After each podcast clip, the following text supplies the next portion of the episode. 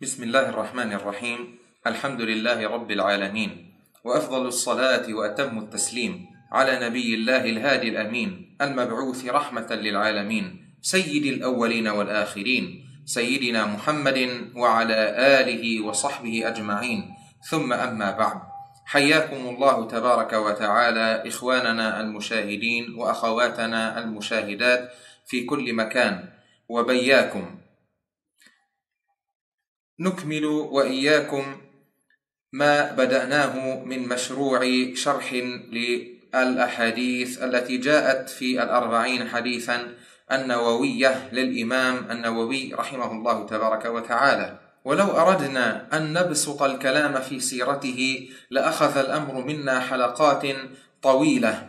ولكن أسأل الله عز وجل أن ييسر لنا ولو أن نعرف الشيء اليسير اليسير عنه رحمه الله تبارك وتعالى فهو عالم كبير من علماء الإسلام عليه رحمة الله تبارك وتعالى.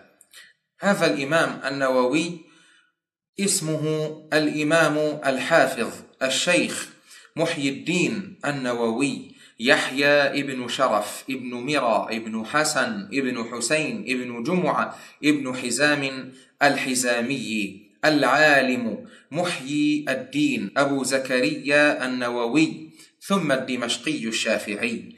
العلامة شيخ المذهب وكبير الفقهاء في زمانه. ولد رحمه الله تبارك وتعالى في منطقة اسمها نوى. وهي المنطقة التي نسب إليها. النووي نسبة إلى نوى. وقد ولد رحمه الله تبارك وتعالى سنة إحدى وثلاثين وستمائة للهجرة.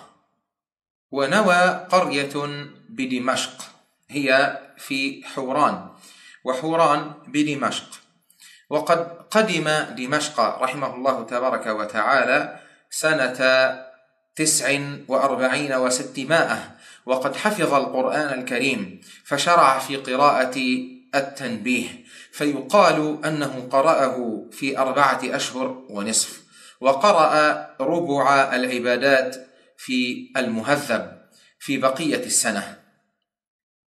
ثم لزم رحمه الله تبارك وتعالى المشايخ والعلماء تصحيحا وشرحا فكان يقرأ في كل يوم اثني عشر درسا على المشايخ ثم اعتنى بالتصنيف فجمع شيئا كثيرا رحمه الله تبارك وتعالى ومنها ما أكمله ومنها ما لم يكمله. فمما كمل شرح النووي على صحيح مسلم. هذا الكتاب الذي هو أشهر من النار على علم. وكتاب الروضة والمنهاج ورياض الصالحين والأذكار والتبيان وتحرير التنبيه وتصحيحه وتهذيب الأسماء واللغات وطبقات الفقهاء وغير ذلك. ومما لم يكمل كتابته رحمه الله تبارك وتعالى وطبعا لو قدر الله عز وجل له البقاء وأكمله لكان لا نظير له في هذا الباب. منها شرح المهذب الذي سماه المجموع. وقد وصل فيه رحمه الله تبارك وتعالى إلى كتاب الربا. فأبدع فيه وأجاد وأفاد وأحسن الانتقاد وحرر الفقه فيه في المذهب وغيره وحرر فيه الحديث على ما ينبغي والغريب واللغة وأشياء مهمة لا توجد إلا في هذا الكتاب. وقد كان رحمه الله تبارك وتعالى على قدر عال من الزهادة والعبادة والورع والتحري وكان يصوم كثيرا رحمه الله تبارك وتعالى. وقد ولي مشيخة دار الحديث الأشرفية وكان لا يضيع من وقته أبدا. وقد حج رحمه الله تبارك وتعالى في مدة إقامته بدمشق. وكان يأمر بالمعروف وينهى عن المنكر للملوك وغيرهم. وهذه صفة العلماء الربانيين فإنهم يأمرون بالمعروف يأمرون الأمراء والوزراء والمسؤولون.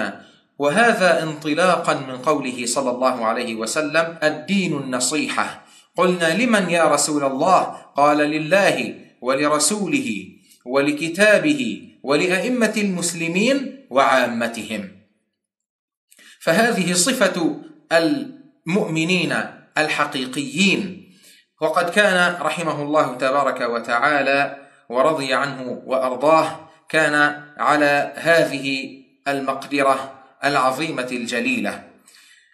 وقد توفي رحمه الله تبارك وتعالى في ليلة أربع وعشرين من رجب سنة ست وسبعين وستمائة ودفن بنوى. رحمه الله تبارك وتعالى وعافى عنا وعنه. وهذه السيرة العطرة قد اجتزأتها كثيرا وإلا كما أسلفت ذاكرا لو أن أردنا أن نبسط الكلام عنه فحياته رحمه الله تبارك وتعالى كانت مليئة بالعلم والتقى والورع ولا يسع المكان ولا الوقت لأن نتوسع في سيرته العطرة. وقد اجتزأ الإمام ابن كثير رحمه الله تبارك وتعالى هذه الترجمة في كتابه البداية والنهاية من الجزء الثالث عشر صفحة ثمان وسبعين ومائتين فما بعدها.